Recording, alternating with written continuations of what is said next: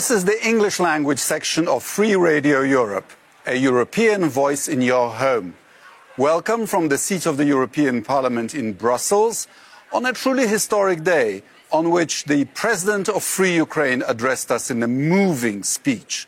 We were just so delighted to see him physically safe and among us and to be able to pledge to him to do whatever it takes for Ukraine to win uh, its defensive war against Russian aggression. And to discuss matters uh, to do with Ukraine, I couldn't have a better guest today than uh, Lady Ashton of Up Holland. Um, you have been the leader of the House of Lords, a British Commissioner for Trade, and you are now the Chancellor of the University of Warwick. And you have published a book. And then what? Ladies and gentlemen, I really recommend you this book. This is not some thick brick uh, with the record of all the conferences and all the meetings.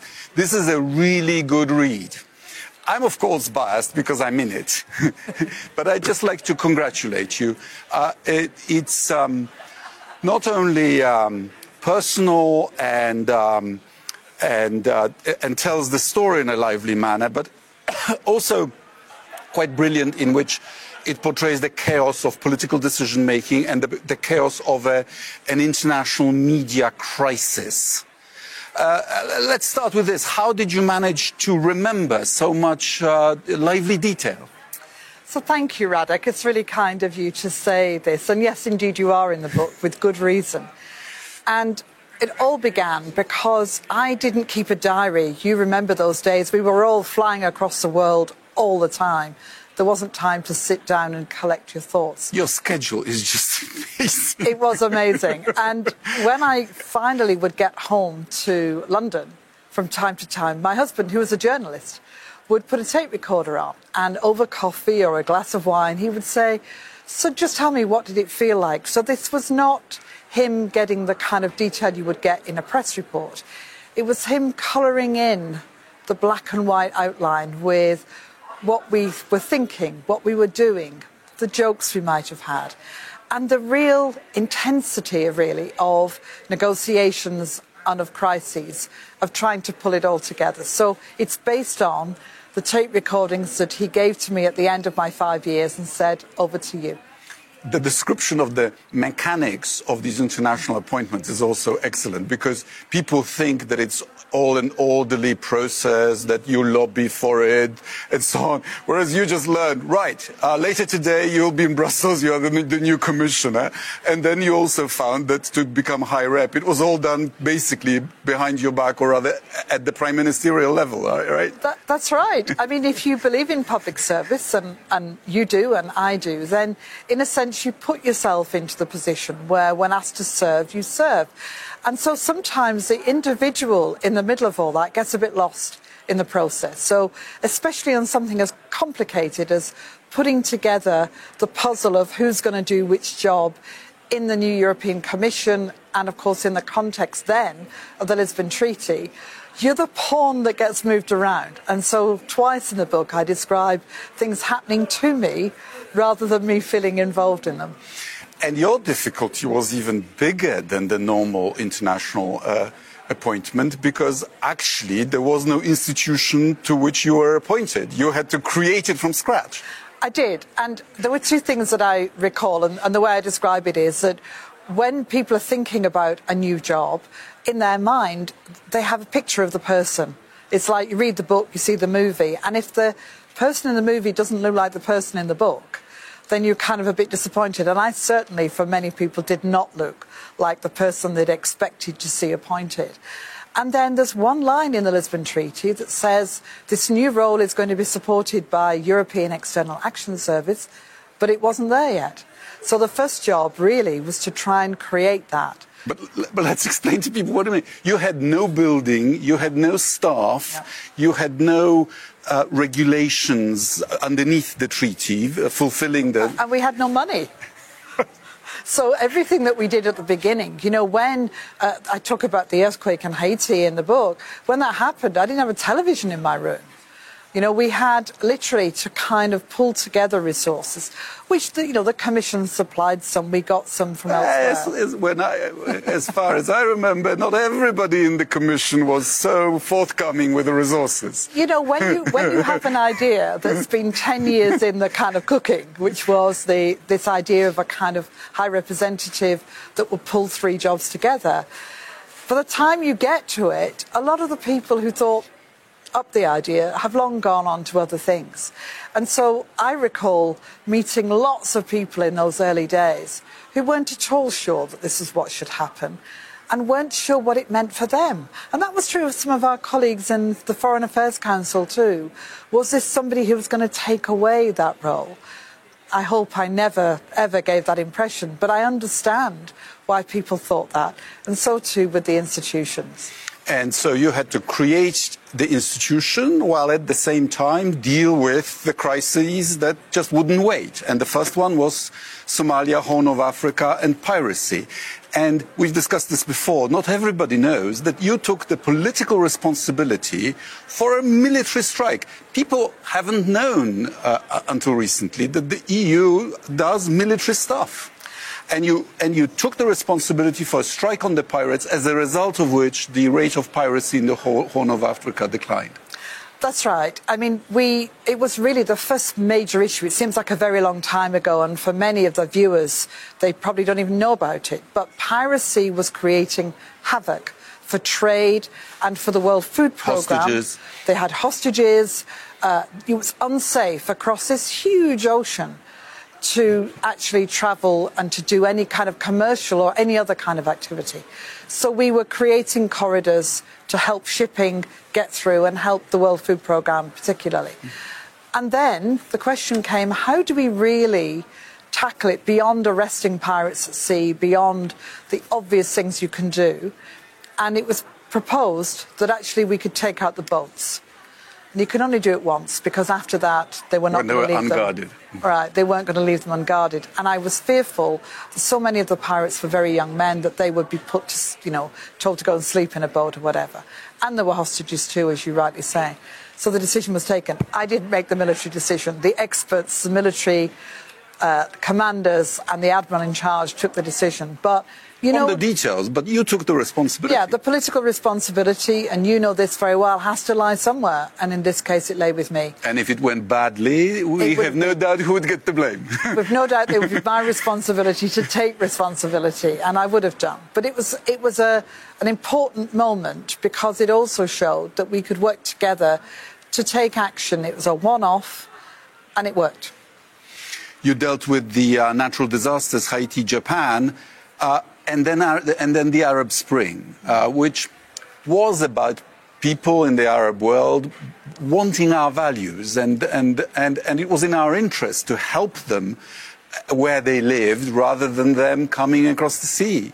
And uh, you went to Libya and you went, you tried to help the situation along in, in Egypt. Your, your descriptions of meeting uh, the, the democratically elected Muslim Brotherhood uh, president, Morsi, both while he was not being a very good president and then in custody, uh, I found th- those particularly interesting. It was a, a really interesting time because we weren't sure always what we were looking at. You could see demonstrations happen, lots of people taking to the streets, but not organised. You know, there were no stages and there were no people making speeches. They were mainly just groups of people coming together, but huge numbers. And of course, it was spreading, that there were many countries caught up. Tunisia, where it began, Egypt, Libya, you saw demonstrations in many parts of that part of the world. And it was important that, on the one hand, we supported the desire for people, as a young man in Libya put it to me, to have what we have democracy and freedom as a way of life. But it was also important to do it in a way that would calm the situation and help them move on, to kind of move from revolution to evolution in a way. And in the course of this, the election of Morsi happened. He was not only not a very good president, but I think in many ways took the country in the wrong direction. And my last conversation with him before he was taken away was it's not enough to be elected, it's what you do with it. And I still believe that. It's really important that leadership doesn't end when you get elected, it really begins. But also, when, if you're a politician, you shouldn't just want to be something. I mean, you have to have a kind of mental map in your head of what you want to do with the power and the responsibility that is given to you. That's right. Otherwise, you're useless. And it's also not about you, it's about Right. who you serve. You know, public service is service. It is about saying, I'm here to serve you. You stand on a platform, you put forward your ideas, you have, if you like, the right to kind of try and implement those ideas. But you're always, always beholden to the people. It's for them that you're working. And I'm afraid, as we all know, too often in the world, you see that's not really what people have in mind. So they're either working for themselves or they're doing nothing because to do anything, to make decisions, to show leadership is to take risk. And that's really tough. I was very glad to read your very fair account of the split that we had in the European Council on Libya. If you remember, France, President Sarkozy was very determined to act. Uh, uh, David Cameron kind of tagged along, but there were many of us who had serious doubts. Uh, Carl Bildt and I, Guido Westerwelle, even uh, uh, uh, instructed the German ambassador at the UN to abstain.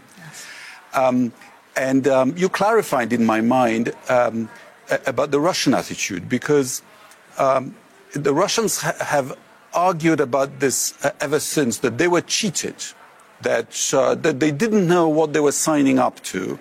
Uh, and, and you quite convincingly say that A, they knew, and B, um, the, uh, the Arab League wanted us to do it. And that's what was what weighed on us and on them at the time. It was seen as the right thing to do.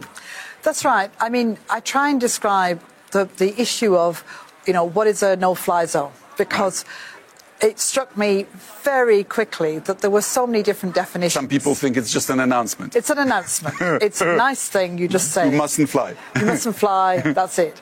But of course, if you talk to any of the military commanders, they will say it's it's a very clear act of determination, and you must be prepared to act if somebody does fly. So, how and you for your that? planes to be able to fly securely, you should, in fact, destroy the radars and the anti-aircraft defenses of your adversary. Exactly. That's what many of them would say was included in that phrase, and also the runways. I mean, lots of, if you like, aggressive acts can be part of the interpretation. And that was a whole set of discussions and negotiations. And there were concerns that although there was a genuine desire from everyone that the people of Benghazi, who are the people that we thought Gaddafi was going to attack, should be supported and helped, it's it's back to the name of the book. And then what? There was a sense that this was also going to send lots of different messages, not just in Libya but elsewhere. And it was going to make, in a sense, the move to remove Gaddafi a clear part of what this was all about. And though that was a desirable outcome, it was a big shift in the thinking. But in terms of what was going on at the Security Council, which is where ultimately it all had to go, the Russians knew what had happened, what the discussions had been, and the Arab League were absolutely determined that this was something If they issued an official request for They- us to act. They did. And I went to see them uh, in Cairo to talk about that. And that was a very, very clear message to everyone. We discussed this before. My friend and mentor Zbigniew Brzezinski once said that uh, you are never thanked for a crisis you prevent. So uh, we went into Libya and uh, it, it didn't unfold as well as some people had hoped. But imagine if we hadn't and, uh, and Gaddafi massacred Benghazi like we allowed like, like Rwanda was massacred. And then there would have been recriminations, you know, uh, one battalion could have prevented uh, genocide. And here, you know, a few, a few sorties could have prevented Gaddafi. You, you just don't know where these forks in the road will lead you, huh? That's right. And, and that's the point, really, is that th- there were lots of reservations about what would happen afterwards, what was linked into the basic proposition that people got behind, which was we cannot let these people suffer. It's what comes afterwards that I'm also trying to explore in the book in saying, you know, you need to think longer term about what we have to do and how long we have to stay. And one of the difficulties about Libya was that there was never really a government afterwards who could give us the authority to do what we could do. People said, well, the EU didn't do enough. My goodness, we tried. We wanted to put missions in that would secure the borders. We wanted to help them not be. They didn't want our, our troops, uh, boots on the ground. They did not want boots on the ground. We couldn't put police officers or customs officials in without protection and without the say so of a government. Otherwise, it's a kind of invasion. Sure. So, therefore, if you can't get that, you can't act. And I remember talking with the UN people on the ground, being in Tripoli, trying to get the permissions we needed, trying to get the agreement, trying to get the government to act. They didn't feel at that point they had the democratic legitimacy to do it, but that meant the country spiraled. Um, your um, story of the uh, uh, Iran nuclear negotiations is uh, uh in depth and particularly um, exciting. Uh, why did you think that as an infidel woman that they wouldn't even shake hands with you could succeed? I, I took the not shaking hands actually for what it was, which was a mark of respect for a woman who was not part of their family. And they treated me with enormous respect because, of course, in Iran, women have access to uh, great education Many of them are professors in universities. They run their businesses. It's not a totalitarian society. It's a very. It's a very repressive it's society. It's a repressive society. But if you look at it, and if you see what's been happening, as we've all been watching in recent yeah, times, horrible. the women are absolutely determined on having say over their own future. So they might not be in the political class, but my goodness, they're everywhere else and they're very active. And that's incredibly important. So when I was working with the uh, Iranians. They were used to dealing with women in senior positions. Mine was a little bit different. And I was British, which was, of course, quite interesting. But I was there for Europe. And those particular Iranian negotiators were working on behalf of President Rouhani, who had come into power on the promise of a stronger economy. And that meant fixing the out, relationship with the West. Fixing the relationship, sorting out the sanctions. Uh, there was, of course, a back channel between Iran and the United States, but there are these delicious descriptions of um, other foreign ministers uh, uh, crowding in uh, not to miss the photo opportunity in case there is a deal. it's always a problem, you know, when and again, you will remember this well and know this well that sometimes the photo is the thing that people need. Hmm. I learned that in my five years that sometimes I just had to be somewhere, so there was a photograph. I wasn't particularly making best use of my time. I wasn't necessarily doing the right thing in terms of where else I might have been. But you need to be there because it's an important statement. And for ministers who have left the negotiations primarily to the right people, the technical experts and the people who are week in and week out doing the work. That was the right thing to do. But occasionally, and particularly when we needed the Americans in situ to come along, they also had to come too. The nuclear deal um, dealt with what Israel regarded as the most urgent uh, threat to their national security, but it didn't deal with all the other issues between Iran and the West and Israel, which was ultimately its undoing, wasn't it? I'm not sure that was its undoing in, in reality in terms of the US position. Plus partisanship in the US, huh? It was, I think, for the US, it was a combination that people felt that some people felt that for, for Iran to have any kind of nuclear activity was wrong. There were people who felt. Even though by treaty they are entitled to a civilian nuclear program. Exactly. Under the Non Proliferation Treaty, to which they are a signatory, they are. In certain conditions. And we were creating those conditions. Others felt that it didn't go far enough. And for others, they thought that by doing this kind of agreement, we had emboldened Iran. Well, some people thought that Iran, that the deal uh, froze the nuclear program for a decade, thus giving Iran time, a decade, to develop the missile program, so that once they, so that they can then restart it and have a missile and the, and the warhead, warhead on top of it. It assumes, though, that nothing else was going to happen. Right. Deal done, finished. And that's not what was going to happen, or not what I planned would happen, and I think others would agree with it.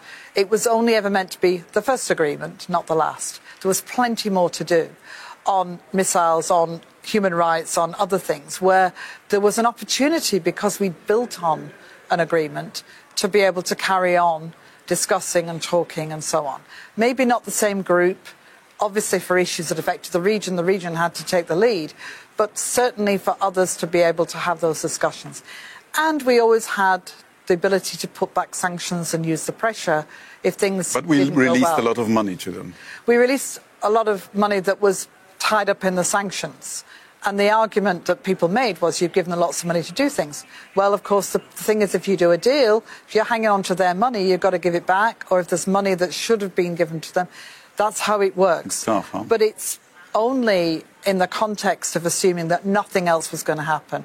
And for me, getting rid of what we feared could be only months away was really important. And doing it for long enough with enough certainty that allowed us to carry on doing work in that area. I was on balance a supporter of the deal because I felt that the trajectory of Iranian politics was going slightly towards Yeah. reform, and instead of enriching, they were diluted they, their uran- uh, uranium. Yeah. And now it's the other way around, and it's worse. Yeah, Uh, that's right. And it shows the fact that the deal was incredibly important. And if we'd had the deal and stuck with the deal, then there was a chance that things would have been very different. We don't know quite where it would have gone. We can't predict. But certainly the deal was a good basis upon which to move forward. And I do regret that we didn't stay with it.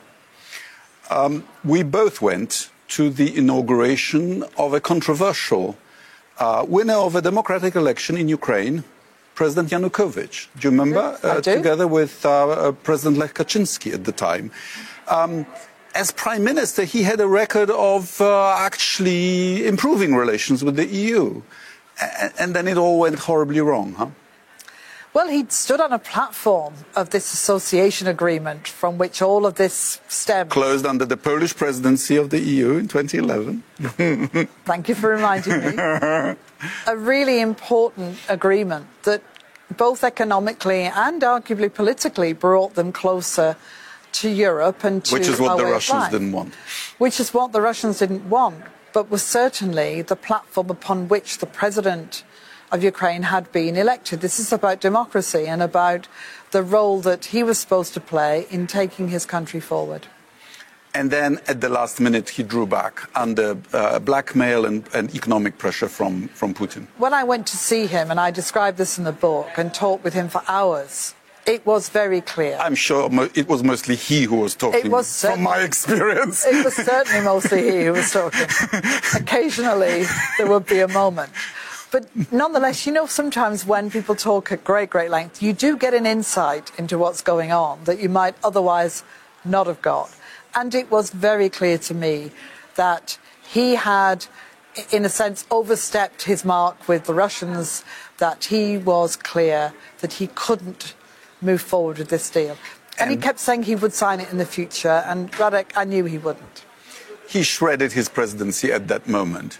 If he'd signed, he would have become the leader of Ukrainian nation in their march towards Europe, and they might even have, to some extent, forgiven his uh, thieving. Yeah, I think there was a possibility because because the the agreement was initialed. You know that point when it's all done and ready to go. Yeah. All it required was his signature. And I wonder sometimes whether he just thought that with all that was going on, maybe we would be the ones who wouldn't sign it and he wouldn't have to worry. And then Euromaidan started with the protests against his not signing the agreement. Exactly right. And people stood with EU flags. So when I went there, 800,000. yeah, and when I went there, I said to him, "I'm going from here to Maidan because these people have EU flags. I want to know what's happening and who they are." And it was people from every walk of life. It was families, it was journalists, it was activists, it was young people, it was older people, all there to make the point that this was the direction they wanted to go. And then Yanukovych starts shooting, at which point you uh, allow me to put together the group of um, uh, uh, Weimar Triangle ministers, uh, Germany and France. And we, with your support, uh, uh, we, put, we, we, we put together a, a, an agreement between, between him and the opposition. And you know, it was while we were negotiating it through the night that I realized how well the soft power of the EU works. You know, uh, the um, EU ambassador in Kiev, as you know, was a Polish diplomat, yes. Tombinski, and he would tell me, and, and, the Foreign Affairs Council was meeting in parallel. So he would tell me, you know, uh, we're going to get there because uh, all the high officials are approaching him saying, but, but you're not going to sanction me, are you? Right. Absolutely right. And it's that combination, isn't it, that, that, that I really believe in, which is a kind of dialogue, keep talking, keep, you know. But carry a stick. And pressure. I mean, pressure that you can put on in different ways, sometimes positive pressure. The pull of the EU is a positive pressure to try and make things change. But occasionally, it also requires that you're prepared to put pressure to, be, to sanction, to act, and to be determined about the things that we believe in. That's so important as well. I still feel that we should have been tougher uh, uh, uh, and, and, and show more solidarity with Ukraine earlier on. Um, because uh, uh, Putin may have misread our signals. Uh, already in 2013 when he started a boycott of Ukrainian goods, and we basically left Ukraine to, to their own devices at that time. That, that I felt was our mistake as the European, as the Foreign Affairs Council uh, despite my best efforts, if I may say so. Absolutely right. And it's because, not because people, in many cases, it's not about being weak or about not being wanting to do something, but you know that when you're in those situations, it's often hard to know what it is that's really going on. With, yeah. And from your perspective, one of the, I think one of the great things about the EU, and I say this as a Brit who sadly we're not here anymore, but was that the expertise and knowledge and experience around the table meant that there were people like yourself and countries like yours that really understood what we were looking at much, much better. And the challenge is how you build that into a strong, determined approach where everybody is part of it. We look back now and you can see the direction, but I was still surprised by what happened a year ago. Last word. Any advice to, for your successors? I think um, it's a really hard job. it's really difficult to kind of build on all of the uh, desires of the different member states and the institutions and to try and pull a program together. The most valuable thing you've got is your time because there's only one of you. So my advice is always make the plan as far as you can remember that things need to be thought about in the long term, long after you've gone out of office.